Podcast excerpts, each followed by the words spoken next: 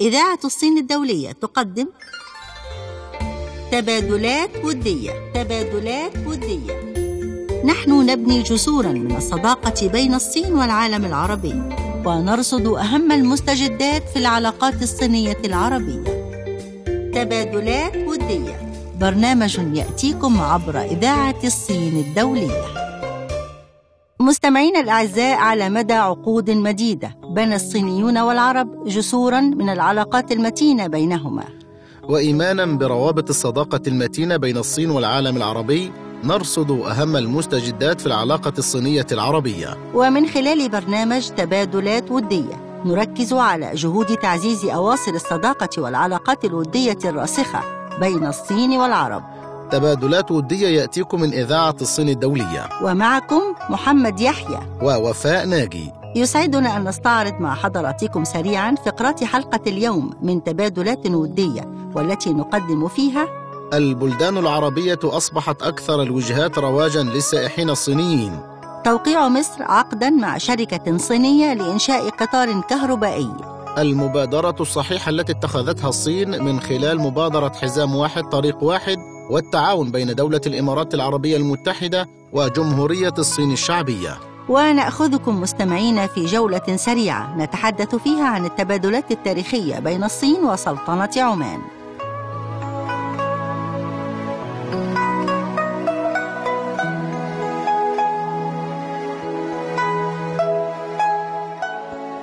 مستمعينا الكرام مستمعي إذاعة الصين الدولية في كل مكان نبدأ مع حضراتكم هذه الحلقة من برنامج تبادلات ودية بين جمهورية الصين الشعبية والبلدان العربية في مجال السياحة. ترى كم يبلغ عدد السائحين الصينيين حول العالم؟ بلغ العدد في السياحة الخارجية العالمية للسائحين الصينيين حوالي 62 مليون سائح في النصف الأول من عام 2017 لابد أنك اعتمدت على إحصاءات مصلحة الدولة الصينية للسياحة الصادرة في نهاية يوليو الماضي. فعلى ما تدل هذه الأرقام يا ترى؟ هذه الأرقام توضح زيادة نسبتها 5% مقارنة بنفس الفترة من العام الماضي ولكن السؤال هل هذا له مردود في الإنفاق السياحي في المستقبل؟ بالطبع يا عزيزتي فمن المتوقع أن يسجل الإنفاق السياحي العالمي للسائحين الصينيين زيادة في هذا العام عام 2017 فإذا تكلمنا عن الوجهات السياحية المفضلة للشعب الصيني حول العالم فما هي يا ترى؟ الوجهات السياحية المفضلة حول العالم التي يقع عليها اختيار السائح الصيني لم تقتصر على وجهات تقليدية بالنسبة له مثل الولايات المتحدة والدول الأوروبية بل يا صديقتي صارت تشمل أيضا بعض بلدان العالم العربي لروعة المكان وسهولة التواصل وتوافر التيسيرات وقد أصدرت السلطات السياحية المغربية تأكيدا لهذا الكلام بيانات تفيد بارتفاع ملحوظ لعدد السائحين الصينيين بنسبة بلغت حوالي 58% وهنا ارتفع إجمالي إنفاقهم عبر الدفع ببطاقات الائتمان الصادرة عن اتحاد البنوك الصينية بنسبة 900% وما هو ترتيب السياحة الصينية الوافدة إلى المغرب يا ترى؟ يحتل السياح الصينيون المكانة الأولى بين السائحين الأجانب الوافدين إلى دولة المغرب. وهل تعتمد المغرب على السياحة كمصدر أساسي؟ قطاع السياحة يعد ثاني أكبر القطاعات بعد الزراعة في دولة المغرب حيث يشكل 10% من إجمالي الناتج المحلي. وهل يوجد ارتفاع آخر في عدد السائحين الصينيين؟ في الدول العربية؟ المملكة الأردنية الهاشمية تشهد ارتفاعا في السياحة الصينية الوافدة إليها في الأعوام الأخيرة. وقد ذكر مسؤولون بمصلحة السياحة الأردنية أن عدد السائحين الصينيين الوافدين إلى الأردن بلغ حوالي 37 ألف شخص. هذا بالمقارنة بالأعوام الماضية فقد حدثت طفرة في السياحة الصينية المتجهة إلى المملكة الأردنية. وبلغت نسبتها 60% مقارنة بنفس الفترة من عام 2015 وكم بلغت الزيادة في هذا العام يا ترى؟ سجل الأردن زيادة نسبتها 120% من حيث عدد السائحين الصينيين في الشهرين الأوليين من عام 2017 إذا يجب علينا الاهتمام أكثر بالسائح الصيني في البلاد العربية. هذا أمر لا بد منه ولا بد للقائمين على صناعة السياحة في البلاد العربية النظر في العوامل التي يتأثر بها السائح الصيني عند اختيار وجهاته السياحية وإذا سألنا عن أولويات السائح الصيني ماذا نقول للمستمع الكريم؟ التقارير الصادرة عن مركز البحث السياحي التابع لمصلحة الدولة الصينية للسياحة أشار إلى أن السائح الصيني يتأثر بسياسة التأشيرات وأحوال النقل للوجهة التي يرغب في زيارتها. إذا يفضل السائح الصيني المقاصد السياحية الأكثر أماناً، وفي السنوات الأخيرة مع طرح مبادرة الحزام والطريق توطدت أواصر العلاقات بين الصين وكثير من الدول العربية. وهنا يا عزيزتي لا بد وأن نتساءل هل يوجد تعاون في مجال السياحة بين الدول العربية وجمهورية الصين الشعبية؟ بالفعل لقد شهد التعاون بين الصين والأقطار العربية تعميقا في إطار هذه المبادرة ففي هذا الصدد اتخذت الكثير من الدول العربية إجراءات تفضيلية بشأن التأشيرات الممنوحة للسائحين الصينيين. كما تم تسيير عدد أكبر من الرحلات المباشرة لتسهيل انتقال السائح الصيني من بلاده إلى المقصد السياحي الخارجي الذي يرغب في التوجه إليه. لذلك هناك الكثير من الدول العربية قدمت تسهيلات للسائح الصيني. على سبيل المثال منح المغرب سياسة الإعفاء من التأشيرات لجميع المواطنين الصينيين منذ الأول من يونيو من عام 2016 وهو ما شجع عددا كبير من السائحين الصينيين على زيارة المغرب. ربما يرجع تدفق السائحين الصينيين لزيارة بلدان العالم العربي إلى تحسن الخدمات وكذلك حسن استقبال الزائرين الصينيين في هذه الدول. ووسعت مؤسسات وأكاديميات وكليات متخصصة في السياحة ببعض الدول العربية. مراكز لتنشئة مترجمين متخصصين في اللغة الصينية. لكن هنا يدور سؤال. ما هو وجه الاختلاف بين الماضي والحاضر بالنسبة للسائح الصيني في البلدان العربية؟ كانت جولة السائح الصيني عند زيارته للبلدان الأجنبية تتألف من أربع مراحل فقط. فكانت هذه المراحل تبدأ بمشاهدة المعالم والمناظر الطبيعية وتنتقل إلى التمتع بالتصوير ثم التوجه إلى المتاجر لشراء الهدايا التذكارية وتنتهي بعد ذلك بالعودة إلى الفنادق. الوضع تغير كثيرا بعد انفتاح السائح الصيني على البلاد العربية كمزارات سياحية وباتت تلك الزيارة الخاطفة لا تكفي بالنسبة له مع اتساع افاقه وثراء خبرته السياحية وتمتعه بثمار التنمية الاقتصادية. إذا مستمعينا الكرام مستمعي إذاعة الصين الدولية انتهت هذه الفقرة من تبادلات ودية.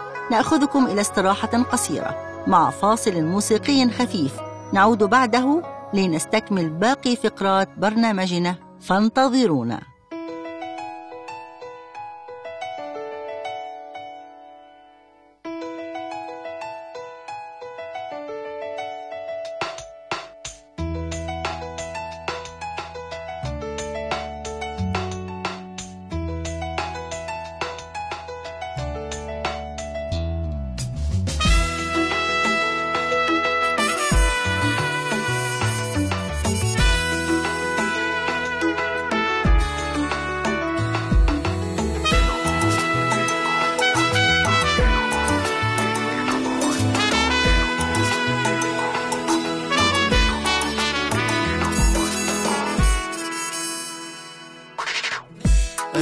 وحدة معاي تكمل المشوار. أبيها غير وفيها خير. وتسمح لي عالتقصير أبيها تغار أبيها تغار ومعاي تكمل المشوار. وأبي وحدة معاي تكمل المشوار. وبيها غير وفيها خير. وتسمح لي عالتقصير أبيها تغار أبيها تغار ومعاي تكمل المشوار. وبيها قدر ظروفي حس فرحتي وخوفي. وبيها قدر ظروفي حس فرحتي وخوفي. وبيها تموت.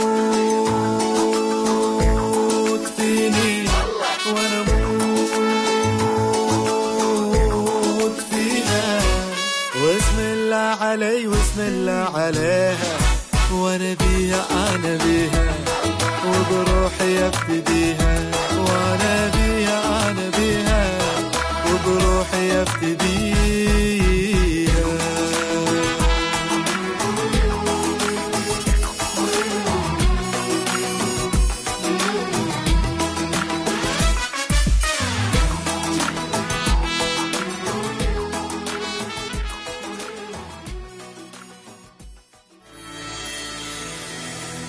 السياحة الثقافة الاقتصاد المعرفة.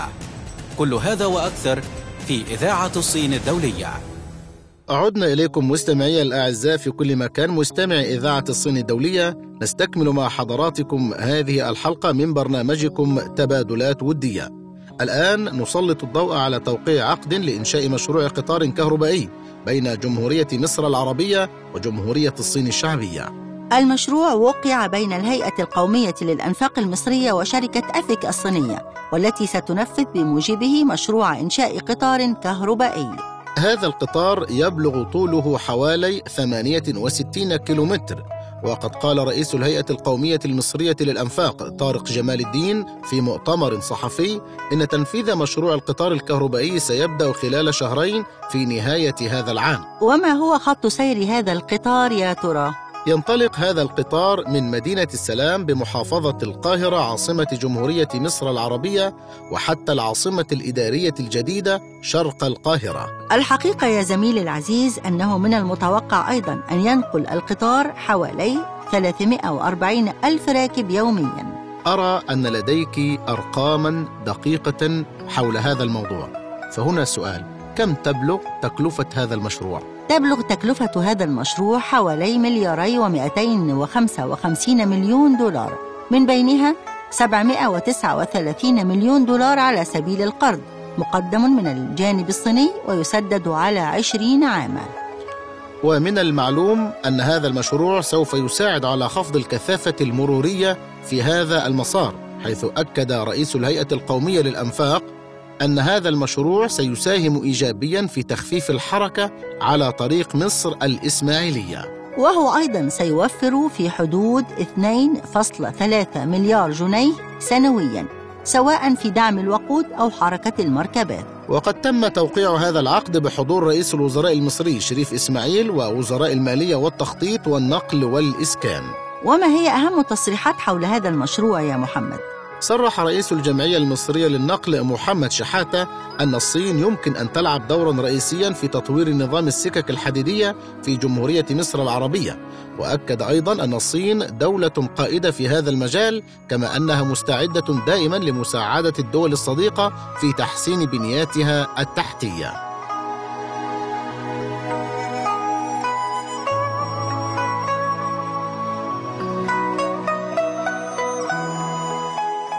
من جمهورية مصر العربية عزيزي المستمع نطير إلى المملكة العربية السعودية ونمو التجارة الثنائية بين الصين والسعودية كم تبلغ نسبة النمو في النصف الأول من 2017 يا ترى؟ أظهرت بيانات صادرة عن مصلحة الجمارك الصينية مؤخرا أن حجم التجارة الثنائية بين الصين والمملكة العربية السعودية بلغ حوالي 25 مليار دولار أمريكي في النصف الأول من العام الجاري. وقد حققت التجارة الثنائية المتبادلة بين الصين والسعودية بذلك زيادة وصلت إلى 20.2% على أساس سنوي. السعودية لا تزال أكبر شريك تجاري للصين في منطقة الشرق الأوسط وقد استوردت في الفترة الأخيرة حوالي 25 مليون طن نفط خام من المملكة العربية السعودية. وبالطبع تمثل هذه النسبة زيادة بلغت 0.5% على أساس سنوي مشكلة بذلك 12.5% من إجمالي الواردات الصينية للنفط الخام. ولقد أظهرت الأرقام الإحصائية الصادرة من وزارة التجارة الصينية أن قيمة المشروعات المتعاقد عليها والتي تم التوقيع عليها بين الصين والسعودية في النصف الأول وصلت إلى حوالي 2 مليار دولار أمريكي وما هو مدلول هذه الأرقام يا محمد؟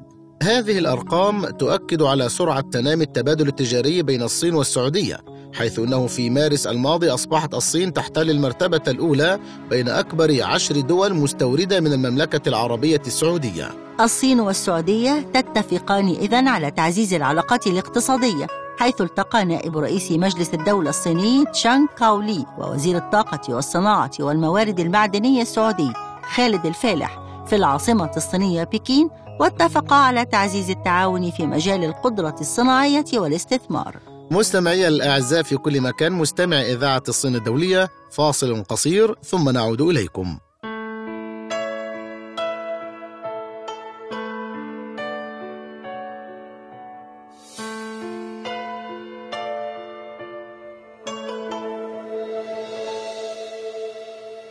有好多事情不需要证明。就想怎么去证明我爱你。如果错过一时，就会错过了一生。是否该更诚实的面对感情？以为时间能溶解你的心，值得相信有一天你终会清醒，却怎么贴近都只能一个人前进。也许。放开才能抓得更紧。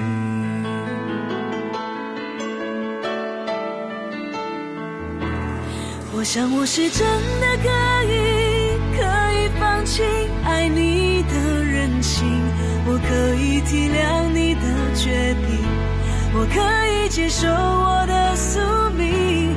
我想我是真的爱你，再痛也会真心的祝福你。爱一个人需要勇气，听说过有一种勇气就叫做放弃。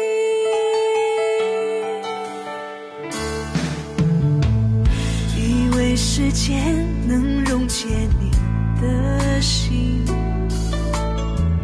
固执的相信有一天你终会清醒。却怎么贴近都只能一个人前进。也许放开才能抓得更紧。我想我是真的可以，我可以体谅你的决定，我可以接受我的宿命。我想我是真的爱你，再痛。也会珍惜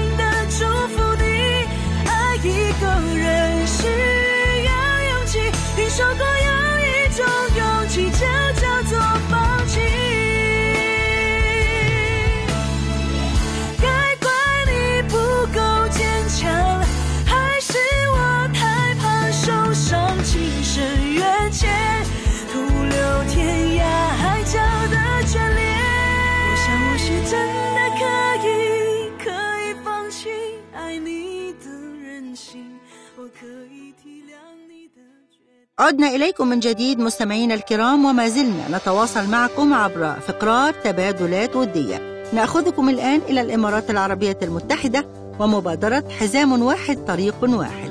فقد أكد الكابتن محمد جمعة الشمسي الرئيس التنفيذي لموانئ أبو ظبي أن الصين اتخذت المبادرة الصحيحة من خلال مبادرة حزام واحد طريق واحد.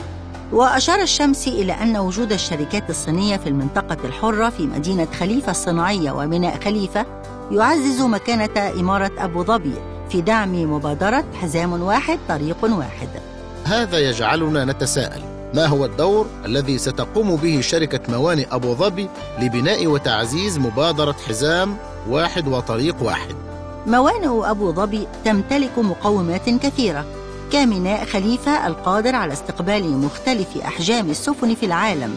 كما يمتلك ميناء خليفة معدات نقل الحاويات والتي تعتبر الأكبر عالميا في العالم والتي تعطي ثقة للمستثمر وتسهل الوصول إلى إفريقيا وأسيا بل وأيضا أوروبا. ولقد أشار الشمسي لأن التعاون بين دولة الإمارات العربية المتحدة وجمهورية الصين الشعبية شهد نقلة نوعية وأحدث ترابطا أكبر بعد زيارة الشيخ محمد بن زايد آل نهيان ولي عهد أبو ظبي إلى جمهورية الصين الشعبية في عام 2015 فقد أثمرت الزيارة عن توقيع أول اتفاقية استثمارية بين شركة كاسكو الملاحية الصينية وشركة موانئ أبو ظبي لتشغيل رصيف بحري ومحطة حاويات في ميناء خليفة. شركة كاسكو الصينية تستثمر وتطور محطة خاصة لهم في ميناء خليفة وتفتح مجالا كبيرا لاستيطان الشركات الصينية في المنطقة الحرة في مدينة خليفة الصناعية.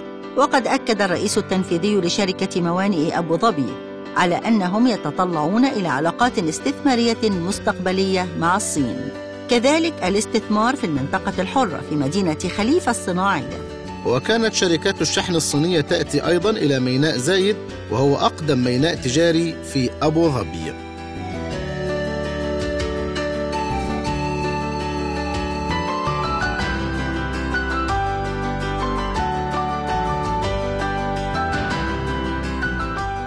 من إمارة أبو ظبي إلى إمارة الشارقة. فقد وقع مجمع الشارقة للبحوث والتكنولوجيا والابتكار مذكرة تفاهم مع الشركة الصينية العربية لنقل التكنولوجيا بهدف إنشاء المركز الصيني العربي لنقل التكنولوجيا.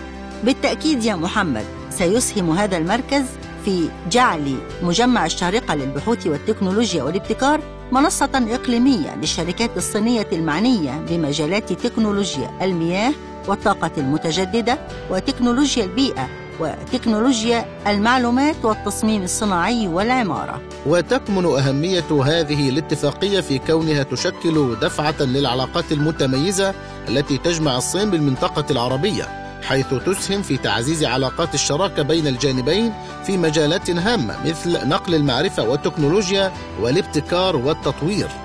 وتوجد أكثر من 4200 شركة صينية وحوالي 300 ألف مواطن صيني يعيشون في دولة الإمارات.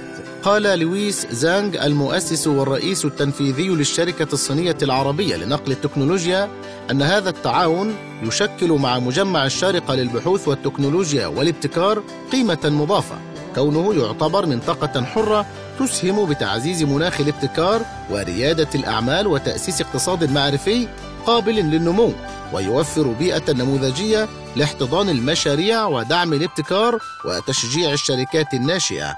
من كل ما سبق وقلناه يا محمد من الواضح أن هذا المركز يساعد على الانتعاش الاقتصادي في الشارقة وفي الإمارات العربية المتحدة بشكل عام. مستمعي الأعزاء في كل مكان مستمع إذاعة الصين الدولية إلى هنا نكون قد وصلنا بحضراتكم لختام هذه الفقرة من برنامجكم تبادلات ودية. فاصل قصير ثم نعود إليكم فانتظرونا.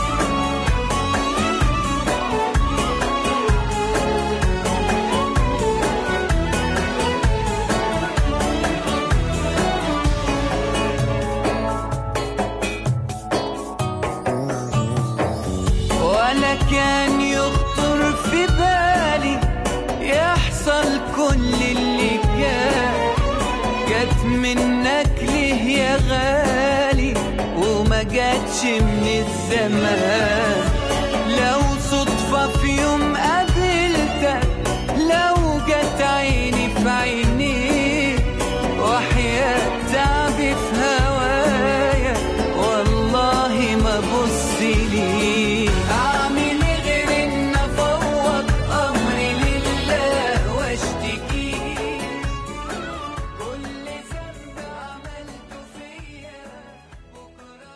عدنا إليكم مرة أخرى مستمعين في كل مكان مستمعي تبادلات ودية نأخذكم الآن إلى التعاون الدولي بين جمهورية الصين الشعبية ودولة الكويت في مجال الصناعة.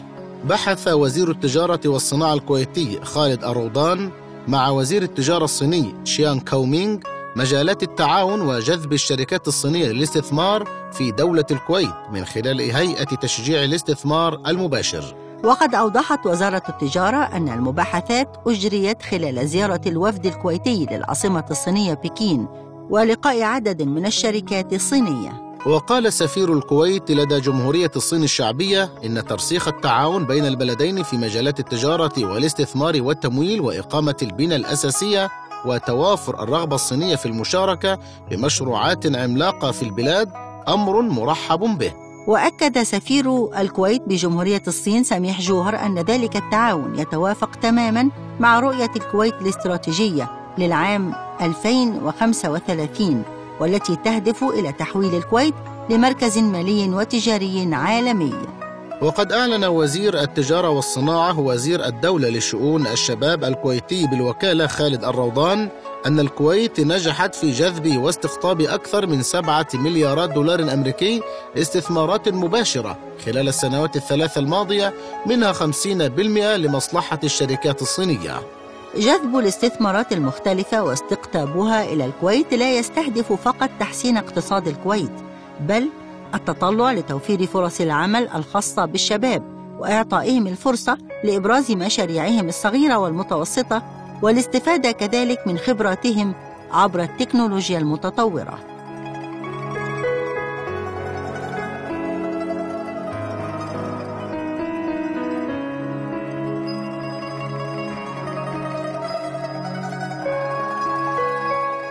المسؤولون الصينيون لديهم الرغبة في تحسين وتطوير بيئة الأعمال في البلاد كما أن الكويت تسعى لتمهيد الطريق لسيولة وسهولة استثماراتهم خاصة أن هيئة تشجيع الاستثمار المباشر الكويتية وفرت العديد من المميزات للشركات الصينية. الشركات الصينية تتميز بقوة اقتصادية ومالية فعالة وهي تستهدف بالفعل الاستثمار في منطقة الشرق الأوسط. التركيز على شركات النقل والمصانع التي تختص بصناعات الجيل الرابع مثل الطباعة ثلاثية الأبعاد بما يسهم في تنويع الصناعات واستقطاب الصناعات ذات القيمة المضافة بجانب نقل المعرفة للقطاع الصناعي الكويتي. أعتقد أن العلاقات الصينية الكويتية علاقات قوية جدا وبالتأكيد تعتبر دولة الكويت هي أول دولة خليجية عربية تقيم علاقات دبلوماسية مع الصين كان ذلك في الثاني والعشرين من مارس عام 1971 وكانت العلاقات قد نشأت فعليا قبل إقامة العلاقات الرسمية حينما قام الشيخ الراحل جابر الأحمد الصباح بزيارة دولة الصين في عام 1965 والتقى عددا من المسؤولين هناك. على مدى الأعوام ظلت العلاقات الصينية الكويتية تتطور بشكل كبير بفضل رعاية قيادتي البلدين والجهود المشتركة من الجانبين مما حقق إنجازات مثمرة في كل مجالات التعاون فتبقى الكويت دائما في مقدمة دول المنطقة في تعاونها مع جمهورية الصين الشعبية. انتهت هذه الفقرة أعزائي المستمعين فاصل قصير. نعود بعده إليكم من جديد لاستكمال باقي فقرات برنامج تبادلات ودية. فابقوا معنا.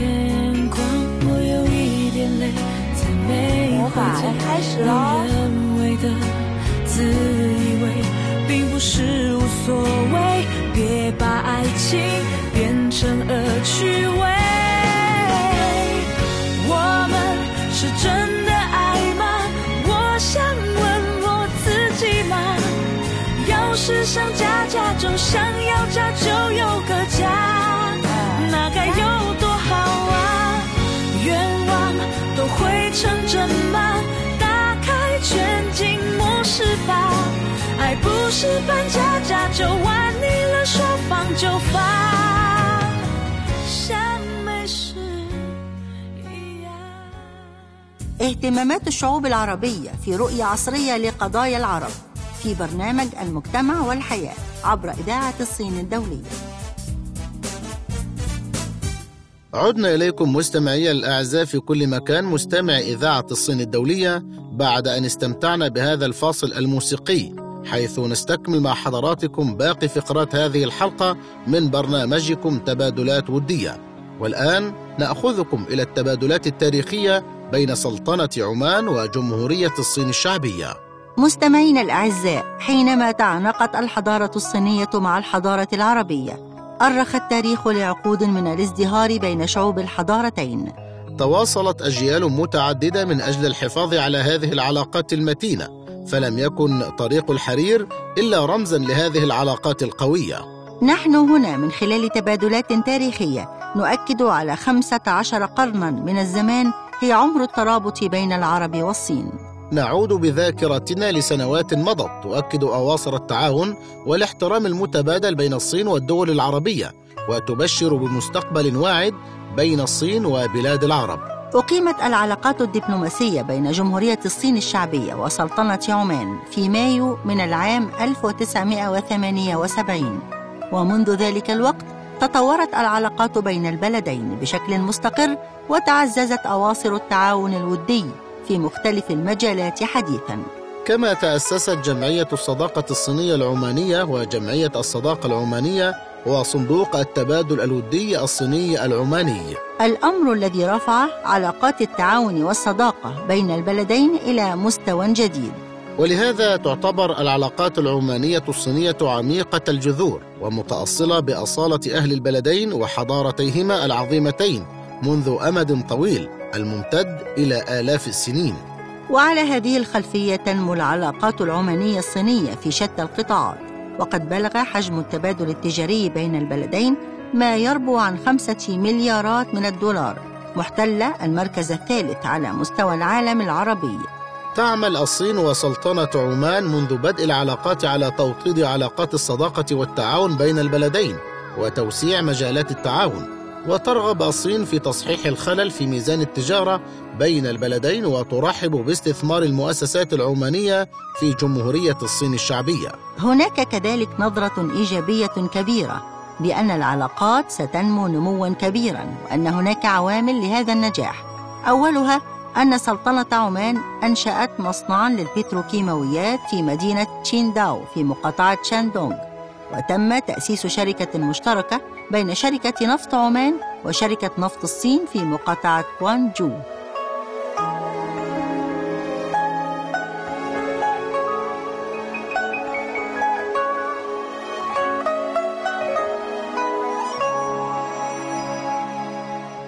هذه الشركات ستعمق وستساعد هذا التبادل الاستثماري. وأيضا هناك استثمارات كبيرة من قبل الجانب العماني سترى طريقها إلى الصين في وقت قريب.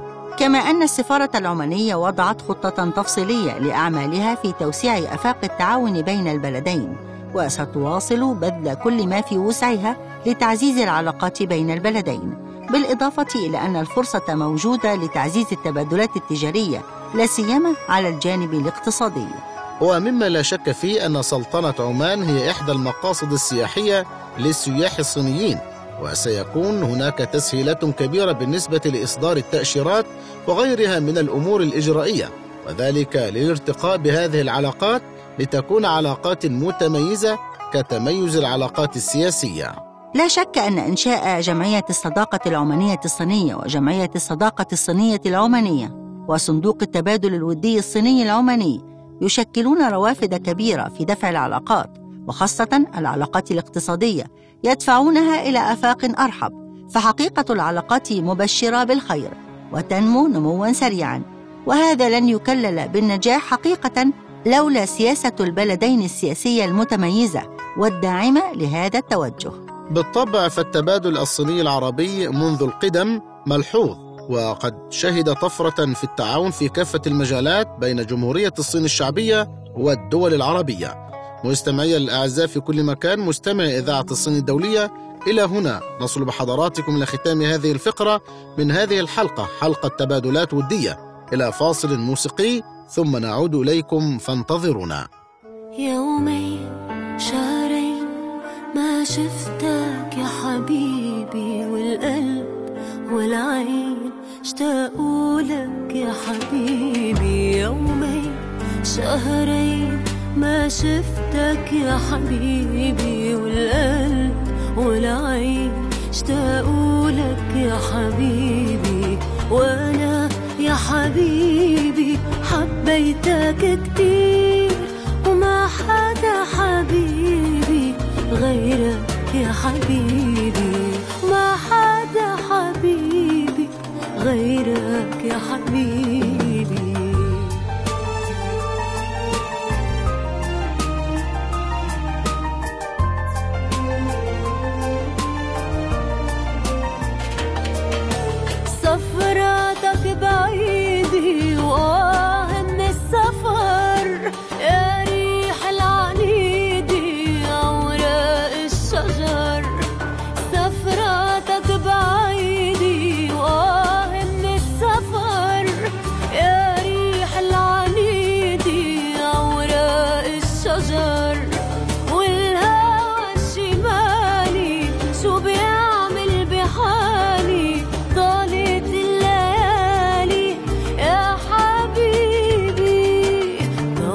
طالت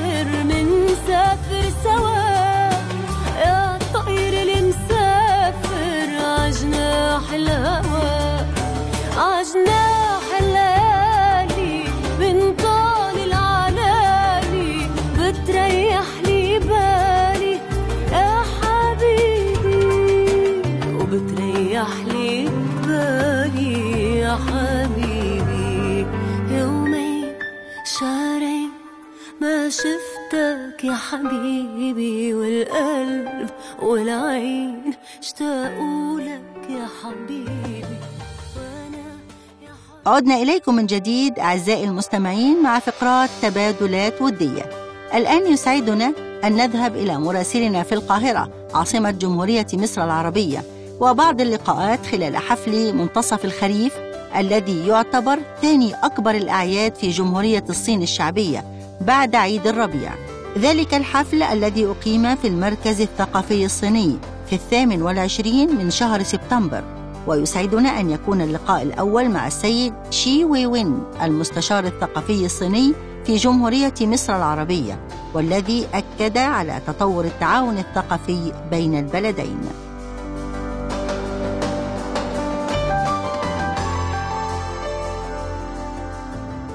يعني تعاون آه، ثقافية صينية مصرية حاليا آه، بشكل منظم وسليم.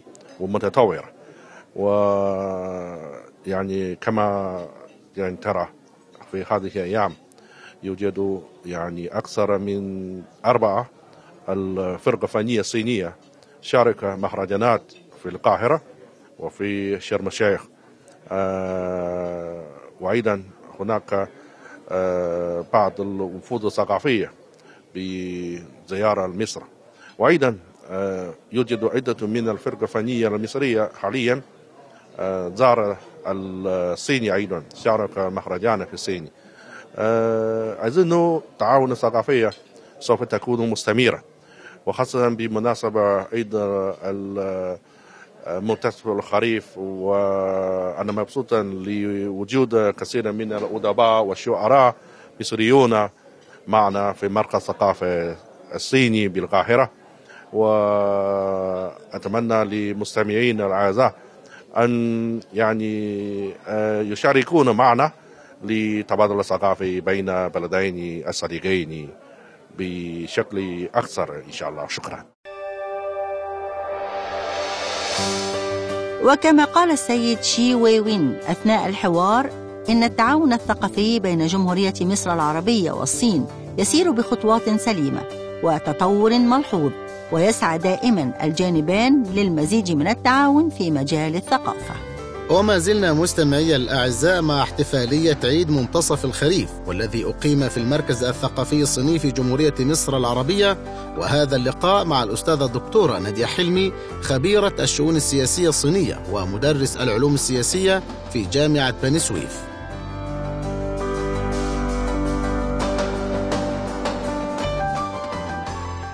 الصين دلوقتي في المنطقة بتحاول تلعب دور القوة الناعمة في المنطقة ال soft power والصين الحقيقة يعني هي مهتمة جدا بموضوع القوة الناعمة عن طريق محاولة إنشاء أكبر عدد من أقسام اللغة الصينية في عدد كبير من الجامعات الصينية. في في جامعة طبعا عين شمس هو أقدم قسم للغة الصينية. في جامعة القاهرة آه، في الجامعات حتى جامعة المنيا وجامعة بني سويف أعتقد السنة دي أيضا فتحوا قسم للغة الصينية. وبالتالي فإن الصين مهتمية بنشر الثقافة وبنشر اللغة الصينية وأيضا يعني حتى على مستوى وكالات ال- ال- الأنباء الصينية. عندنا فرع لوكالة أب- أنباء تشينخوا آه، وكالة أنباء الصين آه، ووكالة أنباء الشعب الصيني وعندنا فروع كتير حتى إذاعة الصين الدولية بالطبع ليها مكتب هنا في القاهرة. ومن هنا فإن الصين بتحاول إن هي تلعب عن طريق القوة الناعمة دور كبير جدا. وإحنا يعني كلنا عارفين إن عام 2016 العام الماضي كان عام الثقافة الصينية وتم الاحتفال بأكثر من 150 فعالية صينية في القاهرة وكان أهم هذه الفعاليات يمكن آه، شهدنا في الأوبرا عروض لفروق كتير صينية تم إقامة العديد من الحفلات خاصة بعد دخول عدد كبير من الشركات الصينية في العاصمة الإدارية الجديدة وفي منطقة غرب خليج السويس. وبالتالي من فترة لأخرى هذه الشركات الصينية بتحاول إن هي تعمل أنشطة يعني جوه يعني إيه بداخل الجانب المصري.